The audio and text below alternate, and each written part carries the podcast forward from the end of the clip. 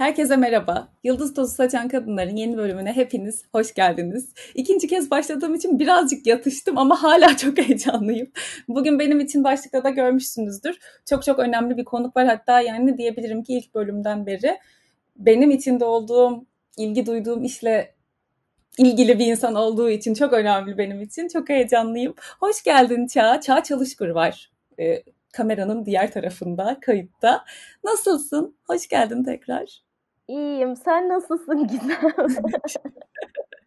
Teknolojiyle birazcık imtihan veriyoruz. Bir ya, herhalde 40 dakikadır falan. evet. 45 dakika olmuş. İnanılmaz. İyi ki de erken saate ayarladık yani kendimizi. evet. Çok iyi oldu. Herhalde yat, yatmadan önce biter. İnşallah. Nasılsın? Nasıl gidiyor karantina? Vallahi çok iyi gidiyor güzel. bunu söyleyeceğim. Bunu söyleyeceğim. Geçen geçen sene hakikaten o kadar böyle bir 9 senelik bir neredeyse hiç durmadan çalıştığım bir dönemden geçtim ben. Ee, böyle uykuların hiç olmadığı, tatillerin çok çok az olduğu, e, tatil yapıyor olsam bile artık dinlenemez hale geldiğim çünkü çok çalıştım. E, ve geçen sene bir şeye ihtiyacım var dedim. Yani bir şeye ihtiyacım var. Çünkü bunun kontrolü bendeyken ben bu durmayı yaşayamıyorum. Bir şekilde hayatım beni durdurması lazım şu anda. E, ne yazık ki bu şekilde oldu ama e, açıkçası evde geçirdiğim bu süre benim bana çok çok iyi geldi. Bayağı oh. sağlıklanmışım gibi hissediyorum. Oh oh harika o zaman. İşte ne dilediğine dikkat et derler ya. Hakikaten öyle. Seninki biraz global bir etkisi olmuş. Süper yani zaten kimle konuşsam ya çok çok iyi geldi diyor ya böyle hani artık çok sıkıldım bitsin falan diyenler var. Şu an birazcık da sanki yüzdük yüzdük dilerim e, sonlarına yaklaşmışızdır. Bir tükenme raddesinde herkes. Seni bu kadar pozitif görmek çok iyi geldi bana. Valla ben iki sene daha böyle dururum. Ay deme deme senin bir de demek gerçek oluyor öyle şeyler söylemedik. tamam demiyorum. Ama seni ben görüyorum. Bir fiil bu arada bir üretme, araştırma, çalışmaya da arka planda devam ettin. Yani yan gelip yatma şeyi olmadı sana dinlenmesi pek bu. Evet işte durabildiğin kadar duruyorsun. De e, bir, evet bir şeyler yapmaya çalıştık. Bir bir kere oyun oynamaya devam ettik. Yani o benim için çok önemli. E, bayağı bildiğimiz gerçek anlamdaki oyun, tiyatro falan diye. E, hep e, Zoom'dan falan yollarını bulduk oyun oynamanın. E, aynı zamanda Craft'ın dersleri devam etti. E, online olarak yapılabilir olan dersler devam etti. E, ben de onlardan işte bir, bir, bir de bir Shakespeare dersi yaptık. O Shakespeare dersine düzenli hmm. olarak e, katılmaya çalıştım. Ama onun dışında aslında çok bir şey yapmadım ben. Yani ben daha çok böyle e, öğrenci olarak katıldığım şeylerin içinde vardım daha çok. Ben zaten evet bir de oyun okumaları falan da yapıyordun hatta yapıyorduk birlikte. Ee, bayağı sen üretmeye devam ettin ki zaten sen üretmeyi bırakırsan biz karantinadan sonraki hayatımıza da çok iyi adapte olamayabiliriz. Bazılarımızın devam etmesi gerekiyor çalışmaya. Sen onlardan birisin kesinlikle yani. Benim için en azından öylesin. E, vallahi ilk defa e, şey e, ya şunu yaptım. Mesela e, yeni yapmak istediğim bir oyun var. Bütün bu durumlar düzeldikten sonra. İşte onunla ilgili bir iki ufak okuma yaptım. Ee, işte normal bu şey Craft'taki ekiple yaptığımız okumalar vardı. Hı hı. Ama onun dışındaki açıkçası e, çalışkanlığım ya da enerjim genellikle e, sağlıklı beslenmeye, bir şeyler izlemeye Ay. falan öyle şeylere gitti yani. Ne kadar güzel ya. Etlerle ilgilendim. Öyle bir dönem oldu. bir, evet bir bitkiye dönüş zaten onu da Var, birkaç kişi de yakaladım ben. Evet ne enteresan işliyor düzen değil mi yani? Bir şekilde buna itildik şimdi mesela. Evet. Sen ne burcusun Ça? Boğa. Boğa. Yükselenin ne? Ay. Biliyor musun? tamam, sonra ben bakarım sana doğum saati. Bu arada bunu mesela en az bir 150 kere falan bakmışımdır. Asla içim kabul etmiyor yani bilmiyorum ne oldum. Demek ki değil o. İçine sinse çünkü söylerdin gururla. Evet hakikaten tam bir yükselen yengeç kadınıyım falan derdin. Mesela ikizler olur, yay olur, terazi olur. Onlardan yay değil de terazi veya ikizler galiba. Hadi, gerçi ikizler belki evet olabilir. Çünkü hani insan ilişkilerini iyi konuşuyorsun falan böyle. A, bu arada ben bu bölümün girişinde şey demeyi düşünmüştüm. Heyecandan unuttum. Hep böyle belki isim olarak görmüşsünüzdür Çağ Çalışkur. Yani e, özellikle hani tiyatro, oyunculuk sektörüyle ilginiz varsa mutlaka biliyorsunuzdur. Ama sesini duymadıysanız eminim şu an çok etkili gelmiştir. Çünkü benim hayatımda duyduğum en böyle naif çizgi film ses tonlarından bir tanesi. Bayılıyorum. O yüzden de podcast'te olman ekstra güzel yani benim için. Ne güzelmiş. Böyle prenses gibi ya. Şeydeki çizgi filmdeki prenses kızın ses tonu gibi sesin. Aa e, iyi seslendirme yapayım. Peki o zaman e, ilk soruma geçiyorum aslında teknik olarak. ilk sorum Çağ Çalışkur kimdir? Sen nasıl tanımlamak istersen birazcık seni özellikle tanımayan insanlar için anlatabilir misin? Köşeye sıkıştıran bir soru bu. Benim anlatışım kimseye beni anlatmaz. o bir kere olsun. Ee, ben kimim? Ay ne kadar zor. Ee, şöyle peki şeyleri söyleyeyim. Ee, ben Ankara'da doğdum. Ee, lise sona kadar Ankara'daydım. Ondan sonra uluslararası ilişkiler okumak üzere İstanbul'a taşındım. Ee, 4 sene uluslararası ilişkiler okudum. Ondan sonra Radikal Gazetesi'nde e, muhabirlik yaptım. E, arada böyle birkaç tane daha iş deneyimim oldu. Sonra e, Amerika'ya gittim. Amerika'da e, oyunculuk eğitimi aldım. E, tekrar buraya döndüm. Dot Tiyatro'da tiyatro yapmaya başladım. O zamanlar oyunculuk yapmak istediğimi zannediyordum.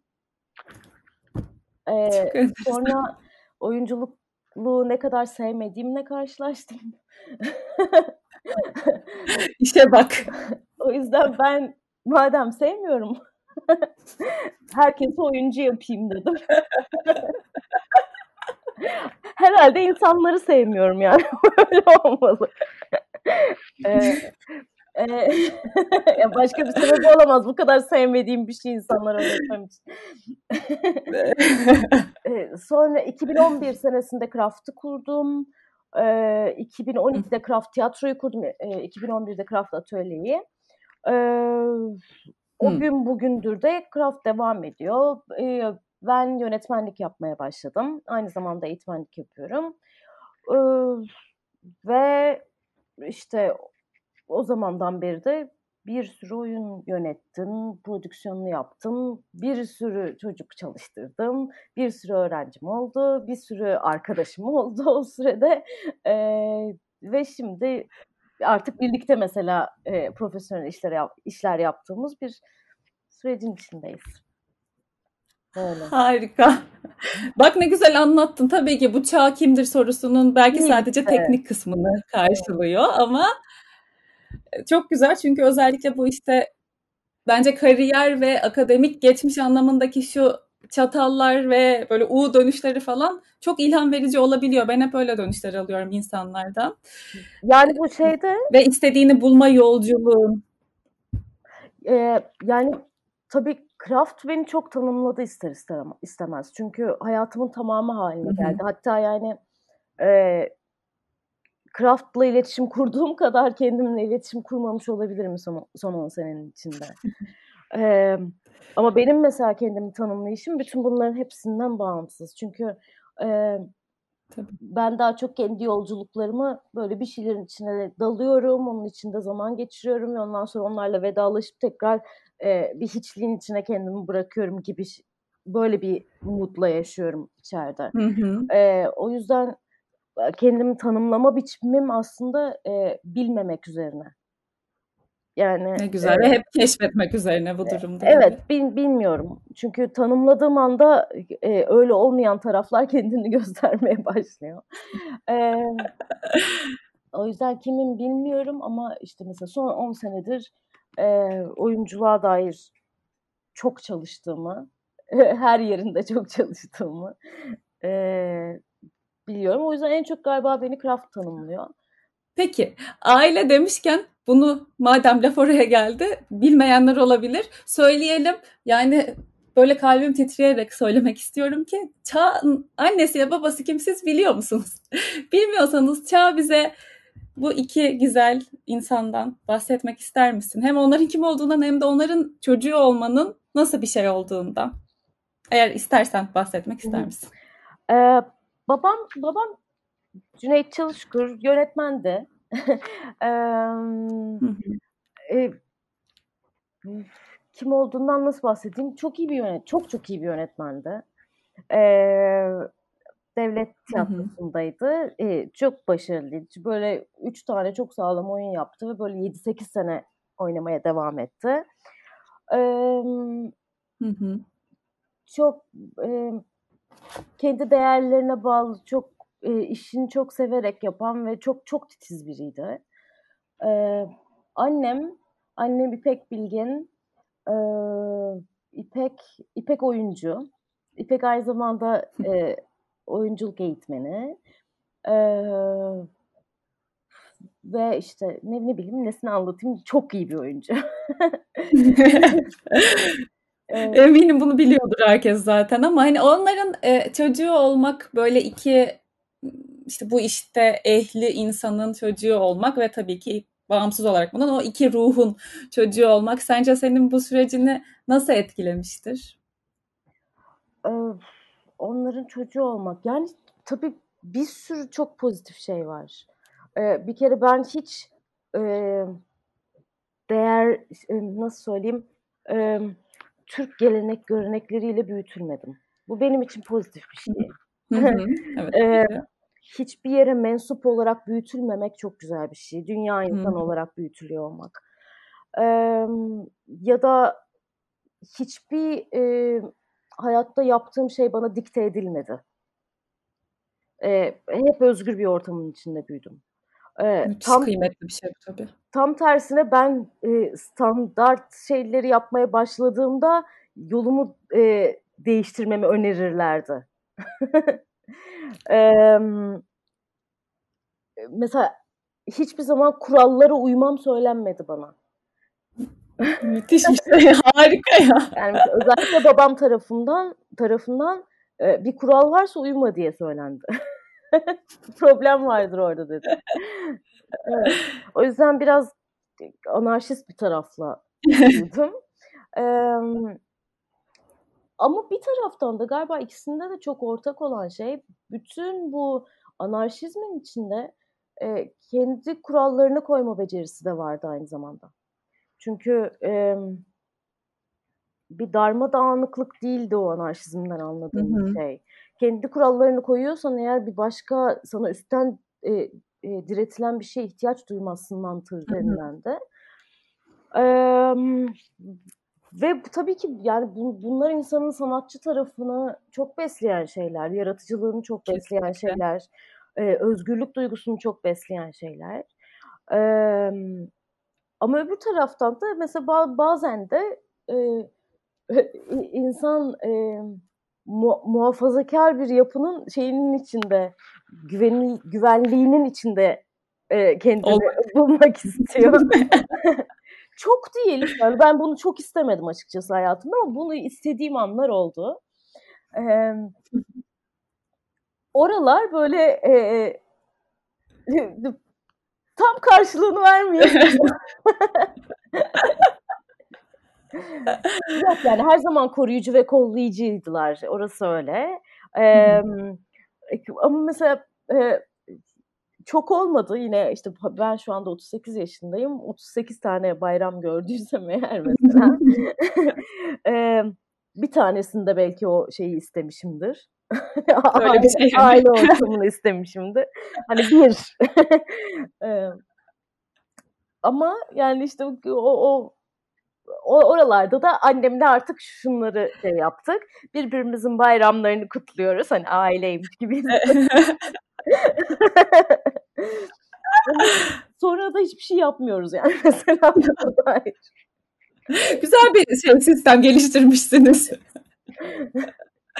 Süper ama işte bunlar şu an saydığın gülerek anlattığın şeyler de bir şekilde senin şu anda her gün keşfettiğin kim olduğun kişiye eminim bayağı bir etkilemiştir. Ya ben şunu görüyorum sana baktım. Ben insan sarrafı ya da bunu değerlendirecek biri değilim de senin tanıyan birazcık tanıyan birisi olarak benim seninle ilgili mesela şey çok dikkatimi çekiyor. Senin sevme biçimin çok açık ve hafif ve ortada böyle. Hiçbir e, duvarın yok. Muhtemelen böyle şeyler de genelde hep derler hani aileden çok gelir. Senin muhtemelen hamurundaki şey bence anne ve babadan herhalde aldığın şeylerle. Yani çok güzel bir sevme biçimi var. Ne demek istediğimi anladın mı? Hı hı.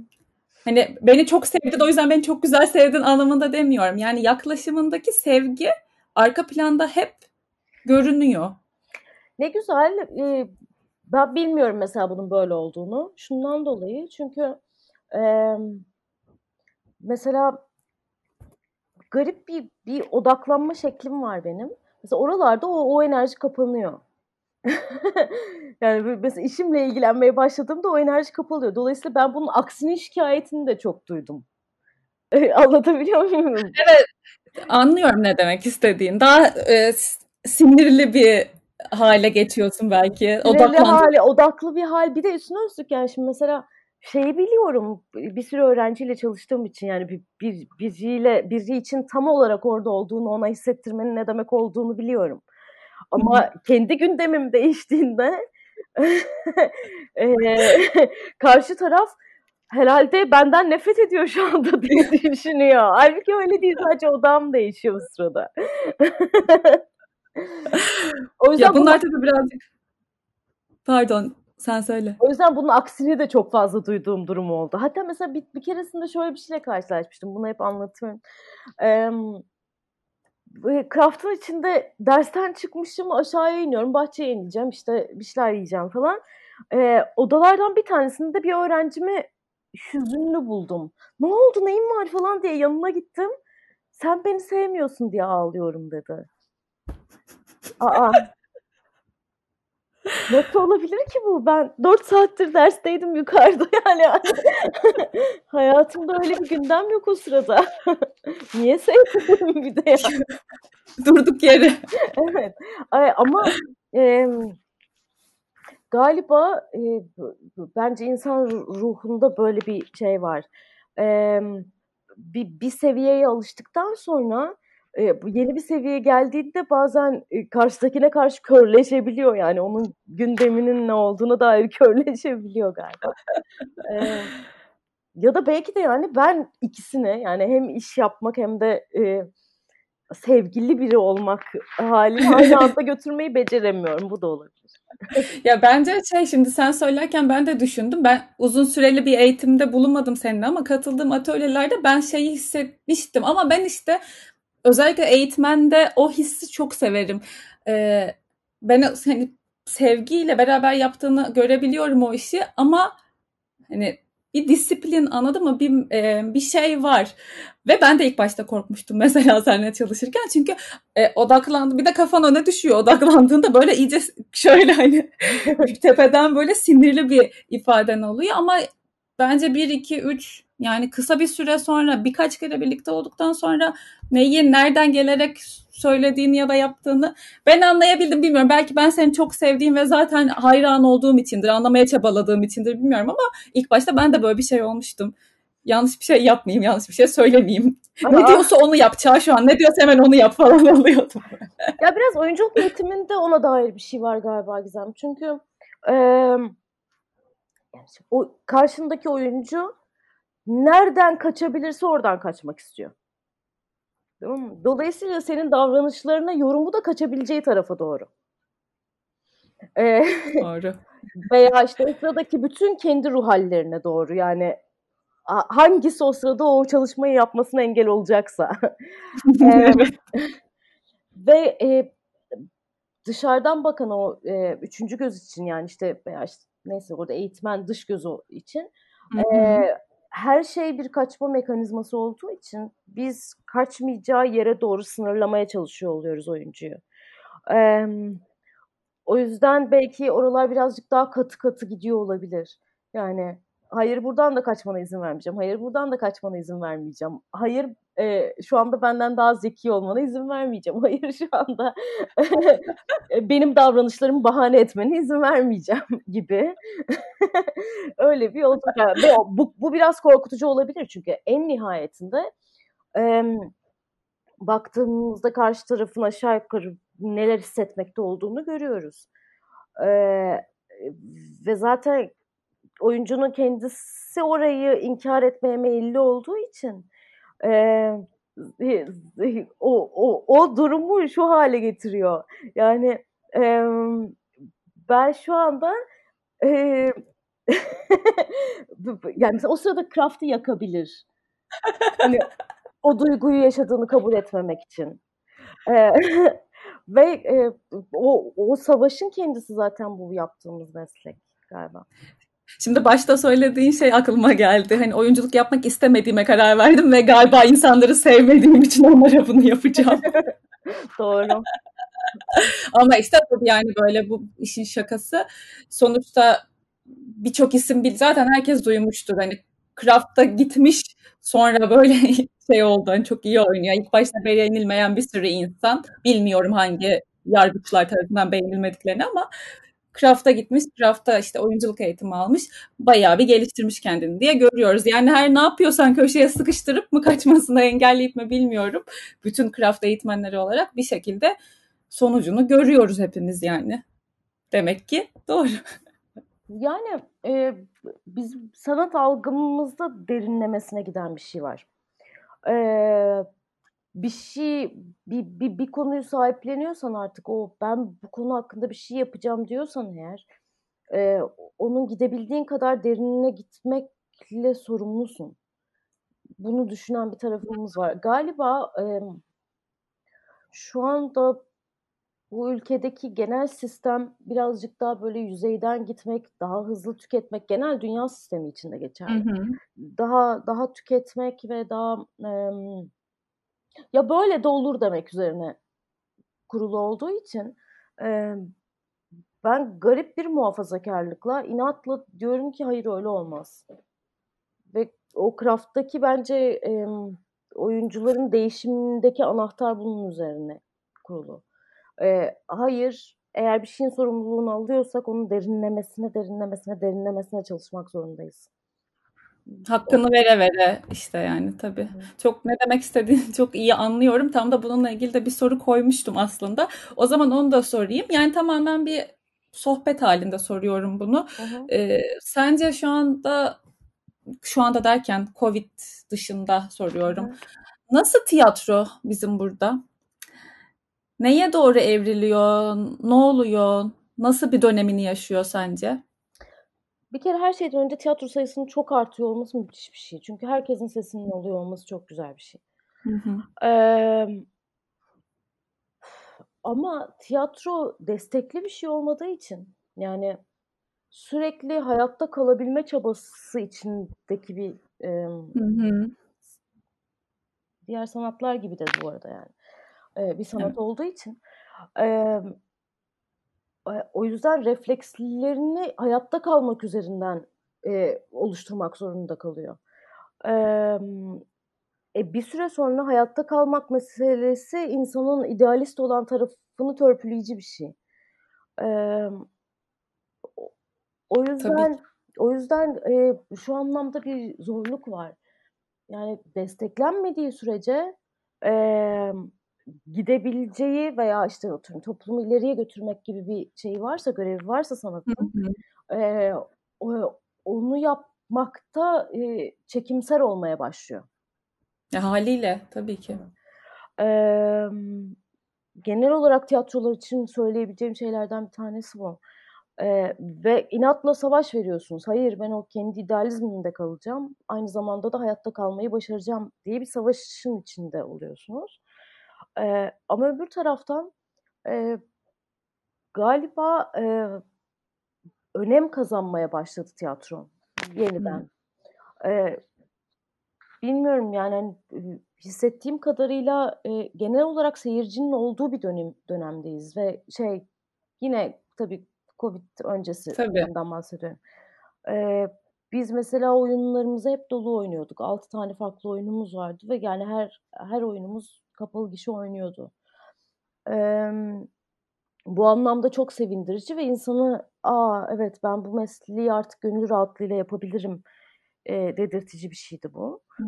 Eee, tabii bu taraftan da yani keşke bir yerlerden destekleniyor olsa yani. Keşke destekleniyor olsa da yaşam mücadelesini daha az hissederek e, sanat yapılabiliyor olsa.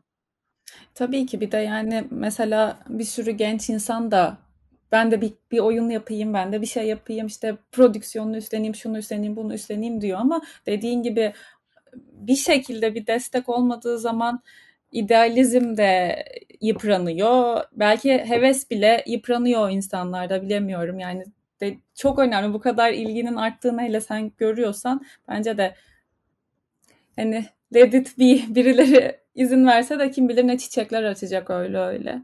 Hı hı. Tabii dediğin gibi bunun için de toplumu bir yerden bir yere götürmek yani nedir senin kafanda tiyatroya koyduğun misyon hayat dengesinde o çok önemli. Hani o gerçekten e, besleyecek, sulayacak ve ileri götürecek bir şey diye gördüğünden eminsen zaten desteklersin. Muhtemelen biraz bakış açısıyla alakalı. Hmm. Ben, biz tiyatroyu şey diye tanımlarız hep. Yani bir, bir şeyleri gerçekten yaşayan birilerini anlamaya çalışmaktır diye tanımlarız. E, oyunculuk için hı hı. bu tanımı kullanırız. Ve e, bence sanat için de geçerli bu tanım. E, birileri bir şeyler gerçekten yaşıyor ve onları elimizden geldiğince anlamaya çalışmakla e, sorumluyuz. E, ve sanat sayesinde bence bunu yapmaya çalışıyoruz. Hangi formunda olursa olsun.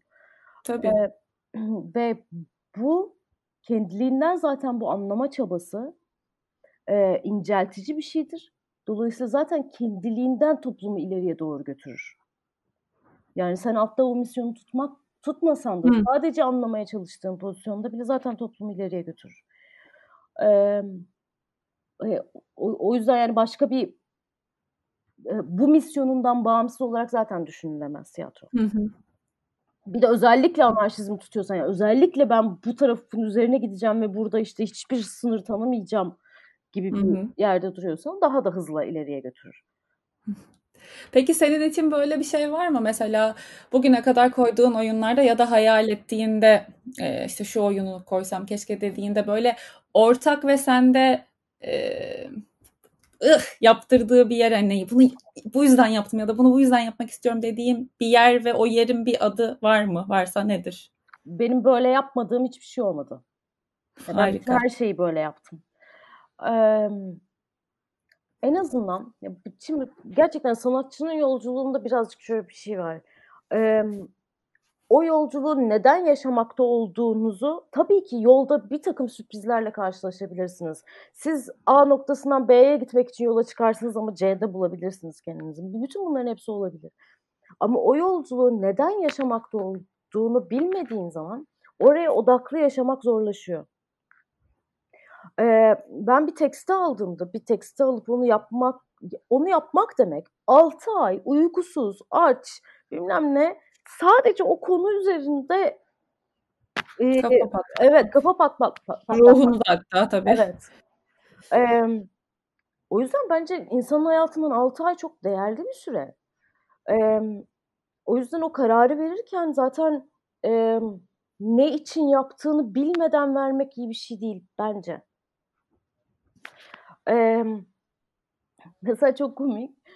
Ve ilk Amerika'dan geldiğimde Kayıp diye bir oyun yaptım. The Mercy Seat. Hı hı. Şu anda baktığımda niye bir oyunu yaptım ki diye bakıyorum. ama e, ama şimdi içinde bir sürü bir sürü şey vardı benim için önemli olan. Birincisi Amerika'dan yeni gelmiştim. Dolayısıyla e, e, onların travmasına dair şeylere maruz kalmış bir şekilde geldim. Tamam mı? Senin 11 Eylül tutkun evet. Hayır, sanki Türkiye'de başka dert yok. Gittim 11 Eylül'le ilgili oyun yaptım diye. ama ama bir taraftan da şöyle bir şey. yani bir kadın erkek ilişkisi anlatıyordu sonuç olarak. Yani bir kriz anındaki bir kadın erkek ilişkisini anlatıyordu. Aslında benim temel o oyunu yapma sebeplerinden bir tanesi buydu. İkincisi e, geç, önce öncesindeki 3 yıl boyunca oradaki e, paranoyaya maruz kalmıştım. E, artı çok daha önemli bir misyon vardı benim için. Hayatta reji yapmanın ne demek olduğunu öğrenmem gereken bir şeyin içindeydim. Şimdi ama e, oyunu yaparken bütün bunların hepsi için yaptığımı biliyordum. Hmm. E, mesela hemen sonrasında Kabin diye bir e, hmm. oyun yaptım. Mesela e, Türkiye'deki askerlik meselesi, e, erkek çocuklarının e, böylesine muazzam bir şiddete legal olarak gönderiliyor oluşları hakkında ya da LGBT bireyleri hakkında e, bir şey yapmam gerektiğini zaten çok iyi biliyordum ve o, yani orada oradaki o 6 ay boyunca bunun için kendi içimizi kanattık yani gerçekten. Orayı daha fazla anlamak, daha fazla anlamak, daha fazla anlamak diye.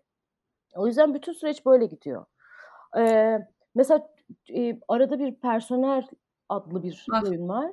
Mesela personelin evet. benim için önemi şu. E, ben Craft'ı kurduktan sonra garip bir e, patronluk pozisyonuna geçmek zorunda kaldım. Ve hiç bunu istememiştim, hiç bunu dilememiştim. Ve hayatta da yani hiçbir noktasında da e, bir parayla ilişkim olsun istemedim. Bir e, herhangi bir hiyerarşik yapının parçası olmayı istemedim. E, personel mobbing hakkındaydı. E, ve mesela o oyunu sadece ve sadece kendim için yaptım. O kadar süre boyunca ben şu anda ne yapıyorum ve insanların hayatını nasıl etkiliyorum anlatmakla vakit geçirebileyim, şey anlamakla vakit geçirebileyim diye yaptım. Çünkü yani e, hiç istemediğim bir pozisyondan birileri ben bir şey söylediğimde yapar pozisyona geçti. Niye olduğunu anlamadığım şekilde. E, o yüzden birazcık kendimi anlamaya ihtiyacım vardı. Birazcık genel olarak bu hiyer hiyerarşi meselesini anlamaya ihtiyacım vardı. Yaptığım herhangi bir davranışın mobbing olup olmadığını anlamaya ihtiyacım vardı falan. O yüzden mesela o oyunu yaptım. Ha. Tabii ki bir sürü insana da denk geliyor. Tabii ki. Yani benim kendim için onu yapıyor olmam e, demek değildir ki birileri mobbinge maruz kalmıyor hayatta. Onların Tabii. hayatına denk geliyor sonuç olarak. Ya sen onu o niyetle yapıyorsun. Sen onu o niyetle yaptığın için de aslında içinde benzer bir şey varsa gelip izleyenin o da ona geçiyor. Çünkü sen onu o niyetle yaptığın zaman onu öyle anlatacak şekilde koyuyorsun. Ya ben bana ne canım konuk aldım istediğim kadar överim. Yani Craft'ın oyunlarında farklı bir şey bu. Ee, ben orada Dolunay Soysart'ın boğazını gerçekten sıkmak istediğimi hissettim. Yani bir kere yani oyunculuklardan bahsetmeye gerek bile yok. Çok güzeldi oyun ama ya anlatamam sana. Şu an hala personel dediğinde çok yakın bir arkadaşımla gitmiştim. Böyle tüylerim diken diken oluyor. Yani acayip sinir oldum. Ben de hiç böyle bir düzenin içinde bulunmadım. Bulunmayı da istemedim çalışma şekli olarak. Nasıl ya böyle şeyler mi oluyor falan oldum. Çok çok rahatsız oldum. E, bu demek oluyor ki hakikaten bunu yaşayan birisi varsa iki uçtan da bahsediyorum yani işveren ya da çalışan ıh, olmuşsa okey ne güzel değil mi? Bunu istiyoruz zaten sanırım. Tam seninki gibi bendeki de. Yani ben kendim herhangi bir hiyerarşinin parçası olmayı, olmayı kendi genlerimle reddediyorum. Öyle söyleyeyim ben. DNA'mda reddediyorum yani. Ee, o, o yüzden o benim o reddedişimin kuvveti e, galiba oradaki karakterleri daha fazla anlamama sebep oluyor. Yani çünkü oradaki baskının ne demek olduğu bana çok fazla yani e, fazla fazla nüfuz ediyor. O baskının hissi. E, e, birazcık onunla ilgili. Mesela sonra e, mesela Yen, Yen'de e, Yen diye bir oyun yaptım. Orada e, aile bir terör örgütüdür. Yani onun temel cümlesi o. E, insana en büyük zarar ailesinden gelir. Yani illa böyle olmak zorunda değil. Ama bir, bir zararın aileden gelmesi çok büyük bir savunmasızlık alanının içidir.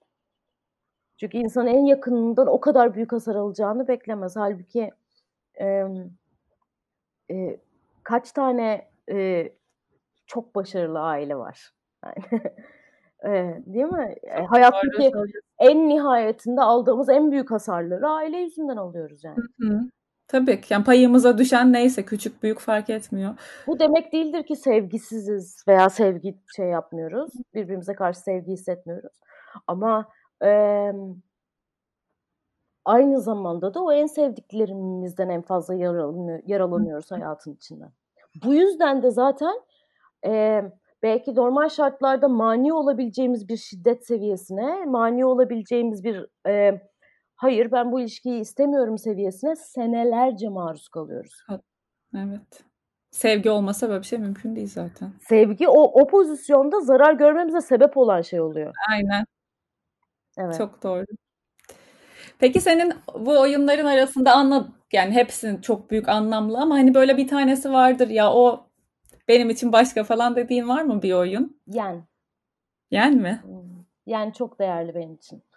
Ee, Yen çok değerli benim için birkaç sebepten. Birincisi e, Anna Jordan e, oyunun yazarı. Hı hı. E, hayatta Değişik. yazar olsaydım Anna Jordan olmak isterdim ben. Ee, bir oyun yazarı olsaydım Anna Jordan olmak evet. isterdim. O kadar beğeniyorum yazdığı şeyleri. Ee, insanların dünyasını anlayabilme becerisini çok seviyorum. Çocuklarla kurduğu ilişkiyi çok seviyorum. Ve bence o oyunun dünyası çok kuvvetliydi. Ee, artı kendi öğrencilerimle çalıştım. Benim için bu değerliydi. Ee, ve mesela şunu keşfettiğim oyun oldu. Ee, insanın dilinin ortaklığı oyuncunun e, iyiliğinden daha önemli. Oyuncunun tecrübeliliğinden daha önemli. Öyle söyleyeyim. Hı hı. Dil Açmak ister misin bu dediğini birazcık? Evet, dil ortaklığı. Biz şimdi bütün eğitim sürecini birlikte geçirdiğimiz için onlarla hı hı, hı. E, oyunculuk dönemlerini e, ister istemez birbirimizin dilini çok tanıdığımız ve oyunculuktan aynı şeyi anladığımız bir süreç geçirdik. Sonra oyunda birlikte çalışmaya başladığımızda e, bu dil çok faydalı oldu. Çünkü e, ka- karşıdakinin ulaşmak istediği hisse kadar anlıyorduk yani. E, hemen hemen anlıyorduk orayı. Evet. Hepimizin kırılganlık e, şekilleri birbirine benziyordu.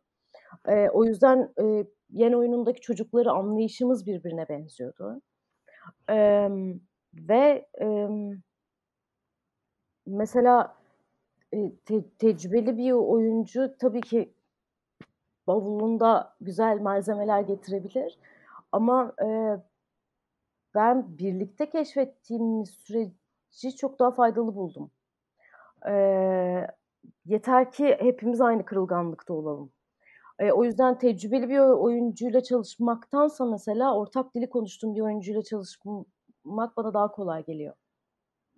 Çünkü Müthiş. mesela tecrübeli oyuncu pozisyonunda bazen şu, şu durumlarla da karşılaşıyoruz. Ee, ikimizin oyunculuktan anladığı şey farklı. Farklı. Ve e, yani ne kadar çok kemikleşirse o anladığımız şey e, çünkü kemikleştirmeme becerisi diye de bir şey var. E, ne kadar çok kemikleşirse o zaman ortak dilde buluşmak o kadar zorlaşıyor. Tabii. E, e, o zaman ister istemez e, ortak bir dil yaratmakta da zorlanır hale geliyoruz. E, falan filan. O yüzden de evet yani işte bu şey kendi öğrencilerimle çalışmak bana çok iyi geldi. Bir de genel olarak Craft'ın da yani yaş ortalaması hep genç öğrencilerin yani arada tabii e, var daha büyükler ama ister istemez değil mi? Yani genç olduğu zaman sanki daha yeni olduğu zaman kemikleşmiş bir şeyler daha e, herhalde az oluyordur. O yüzden böyle cevherler ortaya çıkıyor sanırım. Var herhalde değil mi yaşın bir etkisi bu konuda? Yani daha doğrusu yolda, yani kat ettiği yolun diyeyim. Yaş demek doğru olmayabilir belki de. Bu işle ilgili kat ettiği yolun başında olması belki. Yani galiba oyunculuğun bizim anlamdaki mevhumuyla karşılaşıp karşılaşmaması en önemli konu. Hmm. Ee, yoksa ben e, mesela oyunculuğun 20'li yaşların başında e, çok anlaşılabilir bir şey olduğunu hissetmiyorum açıkçası. Ee, daha doğrusu her yaşta yeniden tanımlandığını hissediyorum. Hmm. Aslında birazcık böyle. Hmm. Çünkü e, 20 yaşta bilmediğin bazı şeyler var. Yani zekanın yeterli olması istediği kadar yeterli olsun zekan. Bazı şeyler e, e, bazı yaş dönümlerinde ya da bazı süreçleri yaşadıktan sonra hmm. içeride anlam buluyor. Ee, bunların hepsiyle birlikte e, oyuncunun oyunculuğa olan bakışı yeniden tanım kazanıyor.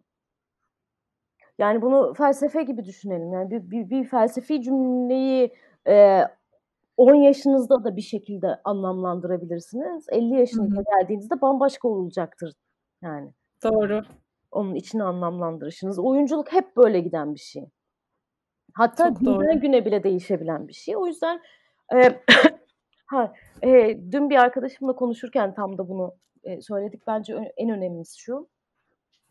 İnsanın o sıradaki halini her neyse e, tam olarak olduğu haliyle kabul edebilme becerisi olduğu anda oyunculukla dürüst ilişki kurmaya başlar. O sıradaki hali her neyse. O yüzden 20 yaşında daha kötü oyunculuk yaparsınız diye bir şey yoktur. Yeter ki 20 yaş ve 20 o sıradaki o yaşınızın, o sıradaki geçmişinizin size getirdiği şeyleri kapsayabiliyor olun oyunculuğunuzda. Anlıyorum ne demek ya kendim de düşündüğümde şu an anlıyorum ne demek istediğini. Bir de bu dediğin gibi hangi konu olursa olsun aslında algılayış ve deneyimleyiş biçimin çok fark ediyor her yaşta bunu. Evet. Evet. Yani şunu da istemiyoruz. Pardon. Yani şunu da istemiyoruz sonuç olarak. İstediğin kadar 50 yaşında ol. Eğer e, mesela atıyorum yaşlanmakta olduğunu inkar ediyorsan mesela Hı. E, o zaman kendi enstrümanın ve kendi malzemenin çok büyük bir kısmını kullanmıyorsun demektir. Aynı şekilde 20 yaşındayken de hayır ben aslında çok olgunum diyerek 20 yaşın olgun olmayan taraflarını dahil etmiyorsan yine aynı problem var. O, o yüzden oyunculuğun e, kendiyle reel ilişkide olmak üzerine kurulu olması gerekiyor. Yani şey bu. Evet. Evet. Kaç yaşında yaptığın fark etmez o yüzden. Peki. Bir şey daha sorayım sana. Bu e, şey sorusu. Hani yıldızlı senelerin değişmeyen sorusu. Çağ Hanım, yetenekle eğitimin oranları nedir sizce bir oyunculukta, başarılı bir oyunculuk için? Valla ben yetenekli insan çok severim. ee, gerçekten şöyle oran, yani oranları şöyle yeteneği çalışkanlık içinde yoksa ya çöpe at yani. Hani hakikaten öyle hmm. gidiyor. Ee, ama öbür taraftan şu anda herkes o kadar orta yolcu bir yerde ki toplum sürekli insanları orta yolcu bir yerlere doğru şey yapıyor. O yüzden yaratıcı kalmak hayata karşı bir savaş haline aldı. Yani eskiden insanın kendi doğasıyken şimdi e, törpülenmemeyi başarmak e, bayağı bir olay haline geldi. Evet. E, ve bu son daha nispeten son dönemin konusu. E, o yüzden yani e, onun da kendi içinde bir çalışkanlık barındırdığını düşünmeye başladım. Yetenekli olduğunu. evet çünkü yani en azından bir, bir, bir kahramanlık barındırıyor içinde. Çünkü hakikaten bu topluma karşı savaş vermeyi gerektiriyor. Hı hı. Ya o kadar garip ki ne bileyim yani ortak kelimelerle konuşmadığın anda bile yargılandığını hissettiğin bir e, şeyin toplumun içinde yaşıyorsun ve evet. bu baskı illaki görünür veya kanıtlanabilir bir şey olması gerekmiyor. Bu senin her gün uyandığında bütün o hayatını yaşarken içten içe hissetmekte olduğun bir şey. Ve adını koyamamak hani aynen anne meselesi, aile meselesi gibi e, adını koyamamak daha da tehlikeli. Yani şiddete uğradığını bilsen o zaman resmileşir o şiddet. Hı hı. E, ama burada toplumun pasif pasif pasif pasif sanki hiç yapmıyormuşçasına senin farklı oluşuna karşı e, seni korkuttuğu bir düzenin içinde yaşıyorsun sürekli. Kesinlikle. E, o yüzden e, yetenek savaşını verebilmenin hı hı. E, yeteneğinin sesini yüksek çıkarabilmenin de çok ciddi bir e, beceri olduğunu düşünmeye başladım. e, ya mesela eski eskiden daha klasik tanımlanırdı bütün bu bunlar. Yani e, istediğin kadar yetenekli ol, çalışkan değilsen eğer o zaman yeteneğin hiçbir önemi yok diye tanımlanırdı. E, bence şu anda yüksek ses çıkarabilme becerisi ve biricik ses çıkarabilme becerisi e, çok kritik bir şey. Çok kritik. Çünkü başka bir kısmı daha var. Asla demiyorum ki çalış ben çalışkanlıkla hayatım kazanıyorum. Ben şahsım. Hı hı. E, asla demiyorum dolayısıyla e, çalışkanlık çöpe atılması gereken bir şeydir. Ama e, şu andaki hız başka bir çalışma şekli tanımlıyor. Tabii ki biz derinlemesine gitmek istiyoruz ve tabii ki bir şeye emek harcıyor olmak istiyoruz. Emek harcadığımız zaman onunla sevgi bağı kurduğumuza inanıyoruz. Ee, onu gerçekten ancak öyle sevebileceğimize inanıyoruz. Hı hı. Her ne konuda çalışıyor olursak olalım. Ee, ama e, en nihayetinde e, mesela internet denilen şeyin hızı o derinlemesine yaptığımız harekete mani oluyor. Sonuç olarak biz e, çalış, çalışkanlık, emek bu, bunların en asli şey olduğuna ve bir şeyin sevme becerisinin ancak ona emek vererek gelişebildiğine inanıyoruz. Hı hı. Ee, ve sanatın da bu anlamda derinlemesine gitmesi gerektiğine inanıyoruz. Ama öbür taraftan da bir de dünyanın gerçeği dediğimiz bir şey var ki dünya şu anda hızlanmaya doğru gidiyor. Ee, internet dediğimiz şey bizim için bilgiyi daha tüketilebilir kılıyor. Dolayısıyla daha hızlıca yeni bir e, bilgiye geçmemiz ihtiyacını do- doğuruyor. E, bir hafızasızlık doğuruyor. Çok enteresan. Ama bir hafızasızlık doğuruyor. E, e, ve e, şimdi demek ki o yaratıcılıkta ne kadar kuvvetle ses çıkarabildiğimiz daha fazla işimize yarayan bir şey haline dönüşüyor. Yavaş yavaş. Evet. E, katiyen bunu savun bu bir savunma meselesi değil bu arada. Yani bu böyle olmalıdır meselesi değil. Ben hala hı hı. birilerinin inatla ve inatla derinine gitmekle ilgili savaş vermesi gerektiğini düşünüyorum. Yani çalışkanlık savaşını vermesi hı hı. gerektiğine ve bu tüketme halini kabul etmemesi gerektiğini düşünüyorum. E, hafızasızlığı kabul etmemesi gerektiğini düşünüyorum. E, ama öbür taraftan da yani sanat dünyadaki her şeyi kapsar. Veya e, e, o yüzden de yani hem yeteneğimizin hem hızımızın hem de derine gitme becerimizin bu sefer yani evrimimizi böyle yapmak zorundayız bu sefer. İç içe geçmesi gerekiyor değil mi? Evet. Birinden birini bırakmadan tabii. Evet. Aynen öyle. Böyle düşünüyorum. Çok güzel düşünüyorsun. Teşekkür ederiz. O kadar kafa aydınlık kafalara yönlendiren bir şey oluyor ki sohbet oluyor ki zaten böyle dinliyorum yine yine podcast çektiğimi unutuyorum. Bu bazen bir iki kere daha oldu. Sohbet ediyor gibi dinliyorum sonra birden kayıt soru falan oluyor böyle. Şimdi e, öğretme yani bu işin öğretme kısmında olmak nasıl? Çünkü dediğin gibi oyuncu olacağım deyip e, bunun eğitimini alıp Sonra bunu sevmediğine karar verip başka bir tarafa geçmişsin ya yani o öğreten olmak nasıl? Galiba bu da biraz genetik bir kısım Gizem. Yani bana çok iyi, e, ya sanki ben 12 yaşımda falan da böyle eğitmeye koysanız ben yine insanları eğitirmişim gibi geliyor. Çünkü yani evet çünkü mesela atıyorum e, mahalledeki çocuklara oyunlar öğrettiğimi hatırlıyorum mesela. e, bak haftanın programını yapardım ya. Mahalledeki, oyun programı? Evet. Mahalledeki çocuklara haftanın oyun programını yapardım. Ve kızardım benim e, şeyden programımdan dışarı çıktıklarımda. Çünkü gel- gelişimimiz için onları öyle yapmak çok önemliydi. Harika. bunu hatırlıyorum. Ee, o yüzden bence doğuştan gelen bir e, öğretmeye karşı ve e, bir, bir tutkulu bir halim var benim zaten. Kaldı ki ikinci önemli olan şey ben öğreterek öğreniyorum. Yani hmm. çok önemli bir şey bu benim için. E, ben bir şey okuduğumda hemen sonrasında onu neredeyse hani, senelerde sanki o bilgiyi biliyormuşumcasına birine öğretmeye başladığım anda o bilgi artık benim bilgim haline dönüşmeye başlıyor. Ee, bu benim öğrenme şeklim aynı zamanda. Ee, çünkü bir taraftan kendim bir şey öğretirken o, o şeyin içinde vakit geçiriyorum ve o şeyin içinde vakit geçiriyor olmak e, oraya karşı aktif tutuyor sürekli beynimi. E, Demleniyor da kafanın içinde tabii bu bilgi bu evet. sırada değil mi? Evet. E, ve bu, bu sayede e, kendi hafızamın geliştiğini ve e, daha bilgili hale gelebildiğimi hissediyorum. Hı hı. E, mesela şey, hatta öbür tara öbür şeylere, öbür yöntemlerde mesela çok başarısızımdır ben. Böyle bir şey film izlediğimde aklımda kalmaz falan. Yani o, o filmi konuştuktan sonra aklımda kalır. Hmm. Ee, Doğru bu arada.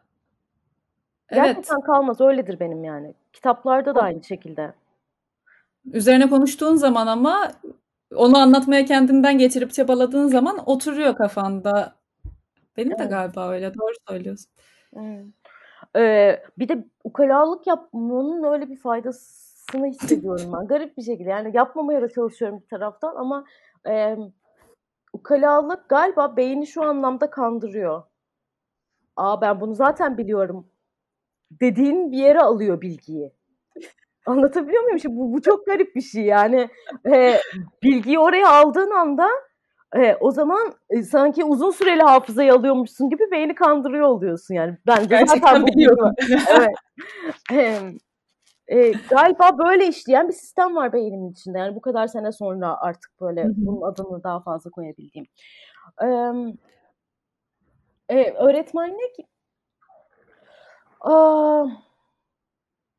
benim çok içindeyken kendimi kaybettiğim bir şey. Bence insanın çok anaç olan tarafını mesela içinde barındırıyor. En azından benim için öyle.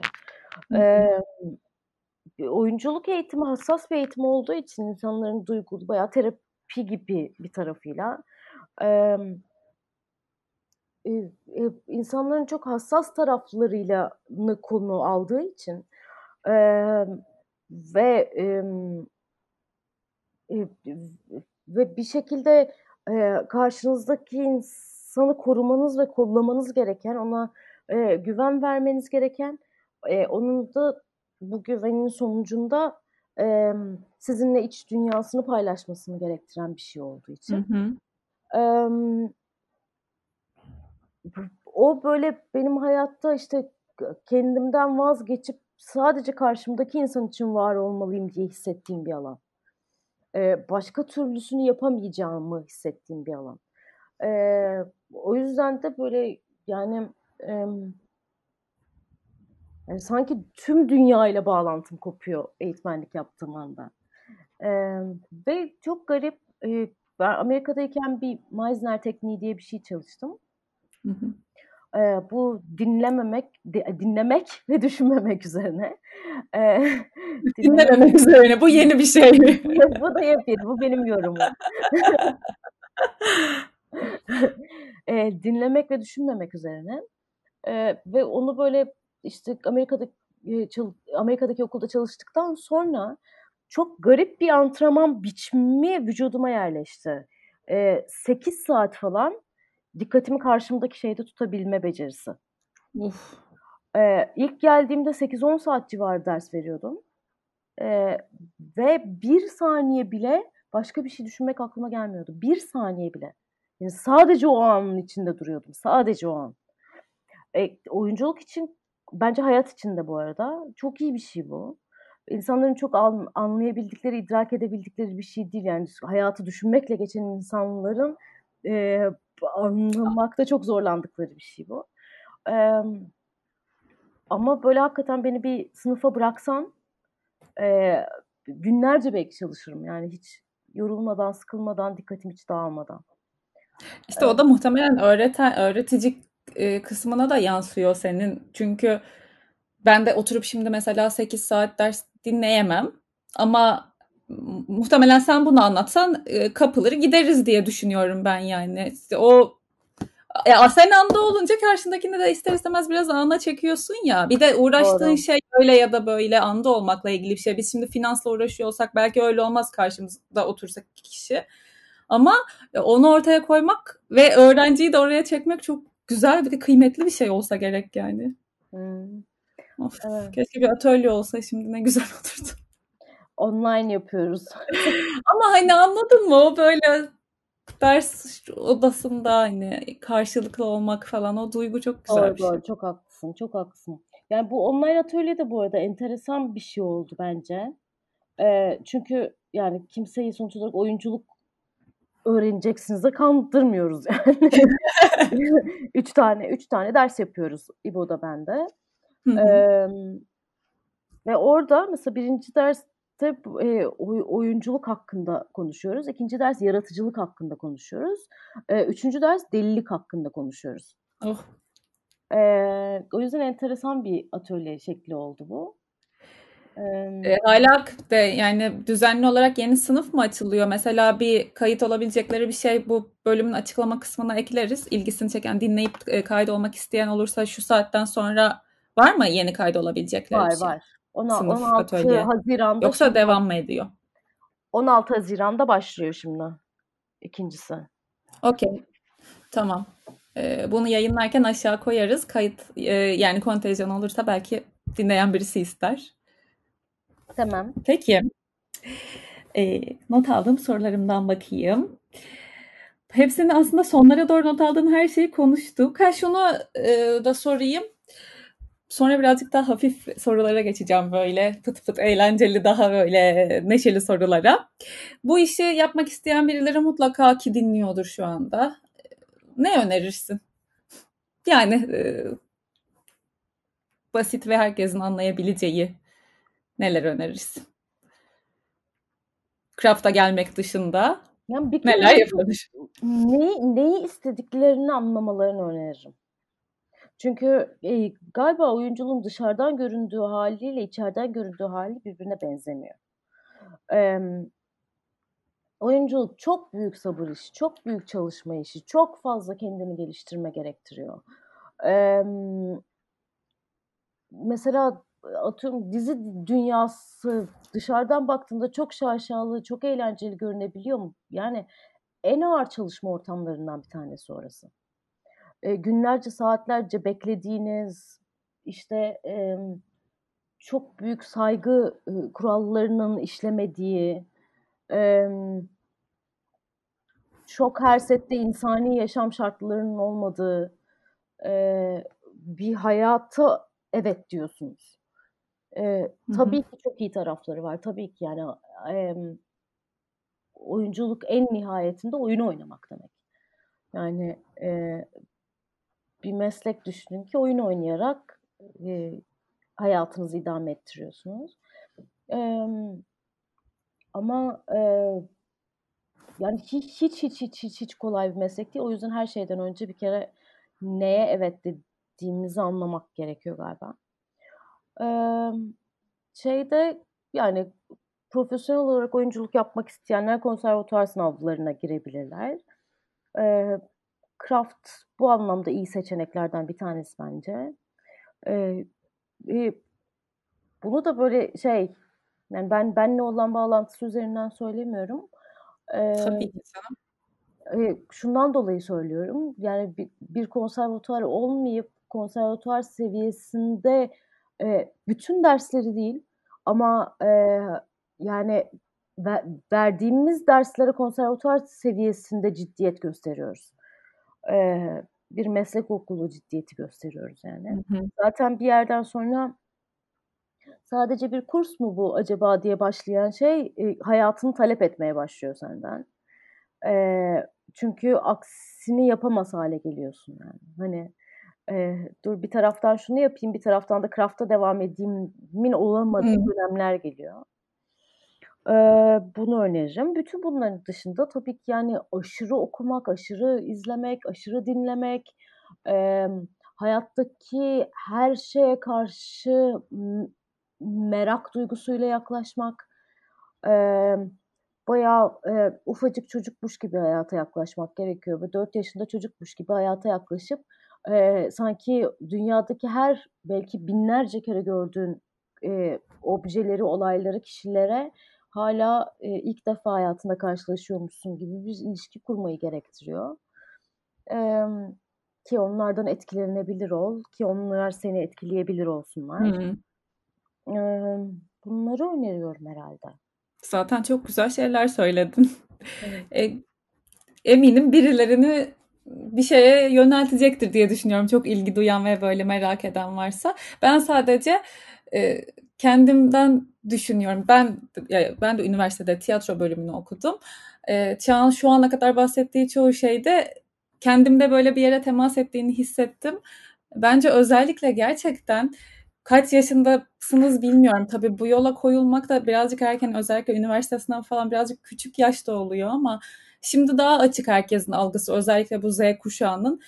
Yapabiliyorsanız birazcık kendi içinize dönüp hakikaten ben bunu neden istiyorum ve bu istediğim şey uğruna ben neleri göze alabilirime bakmak gerek sanırım. Çünkü profesyonel bir oyuncu olmayı hayal ediyorsun ama belki sen profesyonel bir oyuncuyu 30 yaşında, 32 yaşına geldiğinde olacaksın ama 18 yaşında bu yola koyuluyorsun.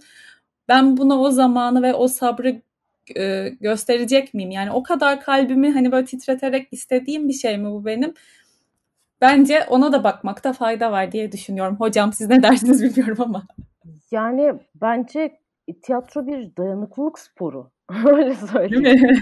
Çünkü e, gerçekten e, mesleği bırakmak istemediğiniz herhangi bir yıl olmuyor. yani e, bırak çok daha kolaya gitme e, gidebileceğinizi hissettiğiniz o kadar fazla sınavdan geçiyorsunuz ki. Tabii. E, annemin şöyle bir lafı vardır yani oyunculuk yapmayabiliyorsan eğer yapma der. Çünkü çok üzücü ya. Hakikaten öyle yapmayabiliyorsan eğer çünkü oradaki dayan, dayanıklılık ben yapmaya bilemem dediğin noktada Hı-hı. başlıyor. Yani e, hayatta hep çok daha kolayı karşına çıkacak. Hep çıkacak.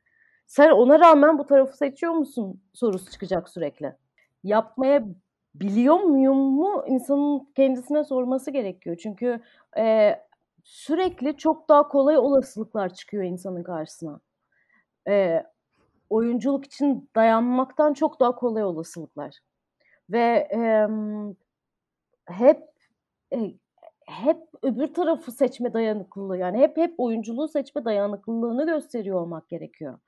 Ya da e, çok ciddi korkulardan geçiyoruz e, oyunculuk yaparken. Ciddi anksiyete sınavlarından geçiyoruz mesela. E, işte oralarda e, ya da sevmediğimiz işlerin içinde oluyoruz. Para kazanabilmek için e, hmm. e, kendimize iyi gelmeyen şeyler yapabiliyoruz. İşte oralarda hala inatla devam ediyor muyuz diye bir soru çıkıyor karşımıza. Evet bu da güzel özetledi. Annenin cümlesinin açıklaması oldu bu da bize. Evet. Peki. Şimdi sana suya sabuna dokunmayan bazı sorular soracağım. Şimdi hemen gidip ben biliyorum senin gezmeyi çok sevdiğini. E, hemen gidip bir iki yıl böyle bavulunu alıp yaşayabilecek olsan nereye gidersin yaşamaya? Arjantin. Buenos ya. Aires. Oo ne güzel. Bak inşallah Çağ. Dilerim.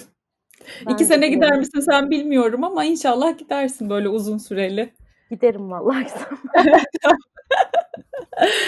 Peki.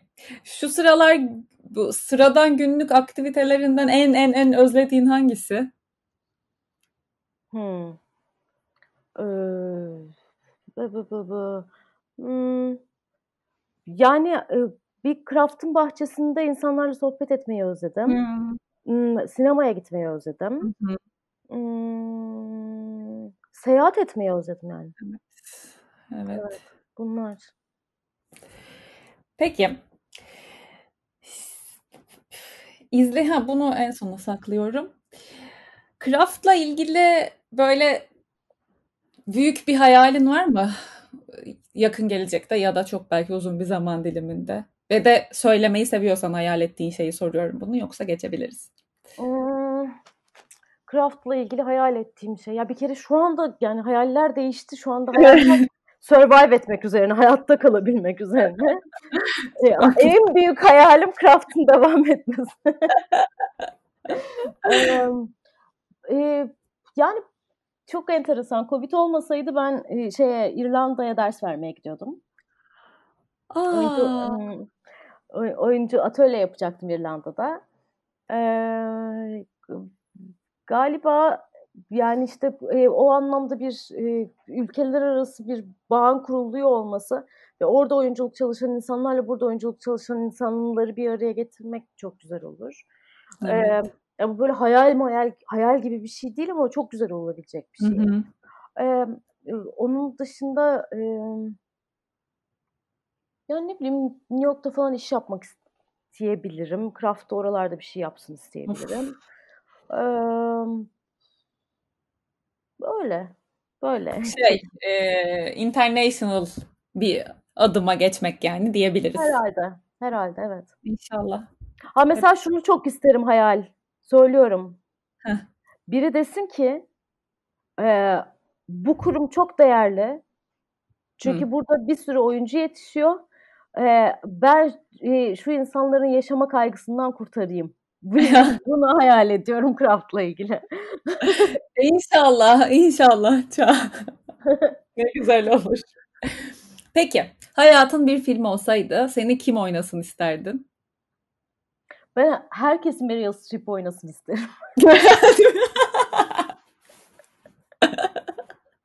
yani sadece benim değil. Peki. Peki. Benim olur, Juliette Binoche olur. Aa, aa hakikaten Juliette Binoche olur. Meryl Streep de olur da. Ee, hayal edemedim şu an. Beni en iyi, en hani her anlamda Isabelle Huppert oynar muhtemelen. of. Ay, çok güzel hayaller. Peki. Ee, şeyi sormak istiyorum bir de. Şu ana kadar bu Türkiye sınırları içerisinde izleyip de böyle çok etkilendiğin ve kendi yapmadığın e, bir oyun var mı? Varsa hangisi? Var var. Yabancı da olabilir. Var var. Ee, ha yabancı oyun da var. Ee, seneler önce tiyatro festivalin, festivalinde Blush diye bir iş izlemiştim ben. Blush. Galiba Belçikalı bir tiyatro grubuydu. Yazayım bunu. Ee, müthiş bir işti. Ee, ama biz çoğumuzun tiyatro yapmasına sebep olan e, ve yani benim böyle çevremdeki insanları böyle gerçekten çok fazla ilham vermiş olan şey Berkun'un güzel şeyler bir taraftasıdır. Ee, inanılmaz bir metin olduğunu düşünüyorum ve oyun benim bugüne kadar Türkiye'de karşılaştığım en güzel şeylerden bir tanesiydi. Of. Ee, yok yani izlediğim en güzel oyundu orası kesin. Ee, başka sanat işlerinin arasında da en güzel şeylerden bir tanesiydi. Dönemi için çok ilerideydi, anlattığı derdi çok çok güzel anlatıyordu, e, derdi çok kuvvetliydi ve e, ben şunu biliyorum, e, en yakın çevremdeki üç insanı e, sanat yapmaya teşvik ettiğini biliyorum o, o oh. oyunu izlemenin. Daha güzel nasıl bir etki yapabilir ki zaten. Yani müthiş. Düşün ki mesela artık kaç sene olmuştur? 8 sene falan oldu Bayağı herhalde. Bir... Ee, ben hala hissini hatırlarım oyunun. Müthiş bir şey. Hı hı. Zaten bir oyunu benim için de benim de sana hani getirdiğim bir tane oyun vardı. Hı hı. Ben de onu ta okurken yani izlemiştim ve bugün biriyle bir okumasını yaptığımda ya da bir cümlesini bile yani üzerine sohbet etsek tüylerim diken diken oluyor hala. Öyle oyunlar çok değerli bence. Evet.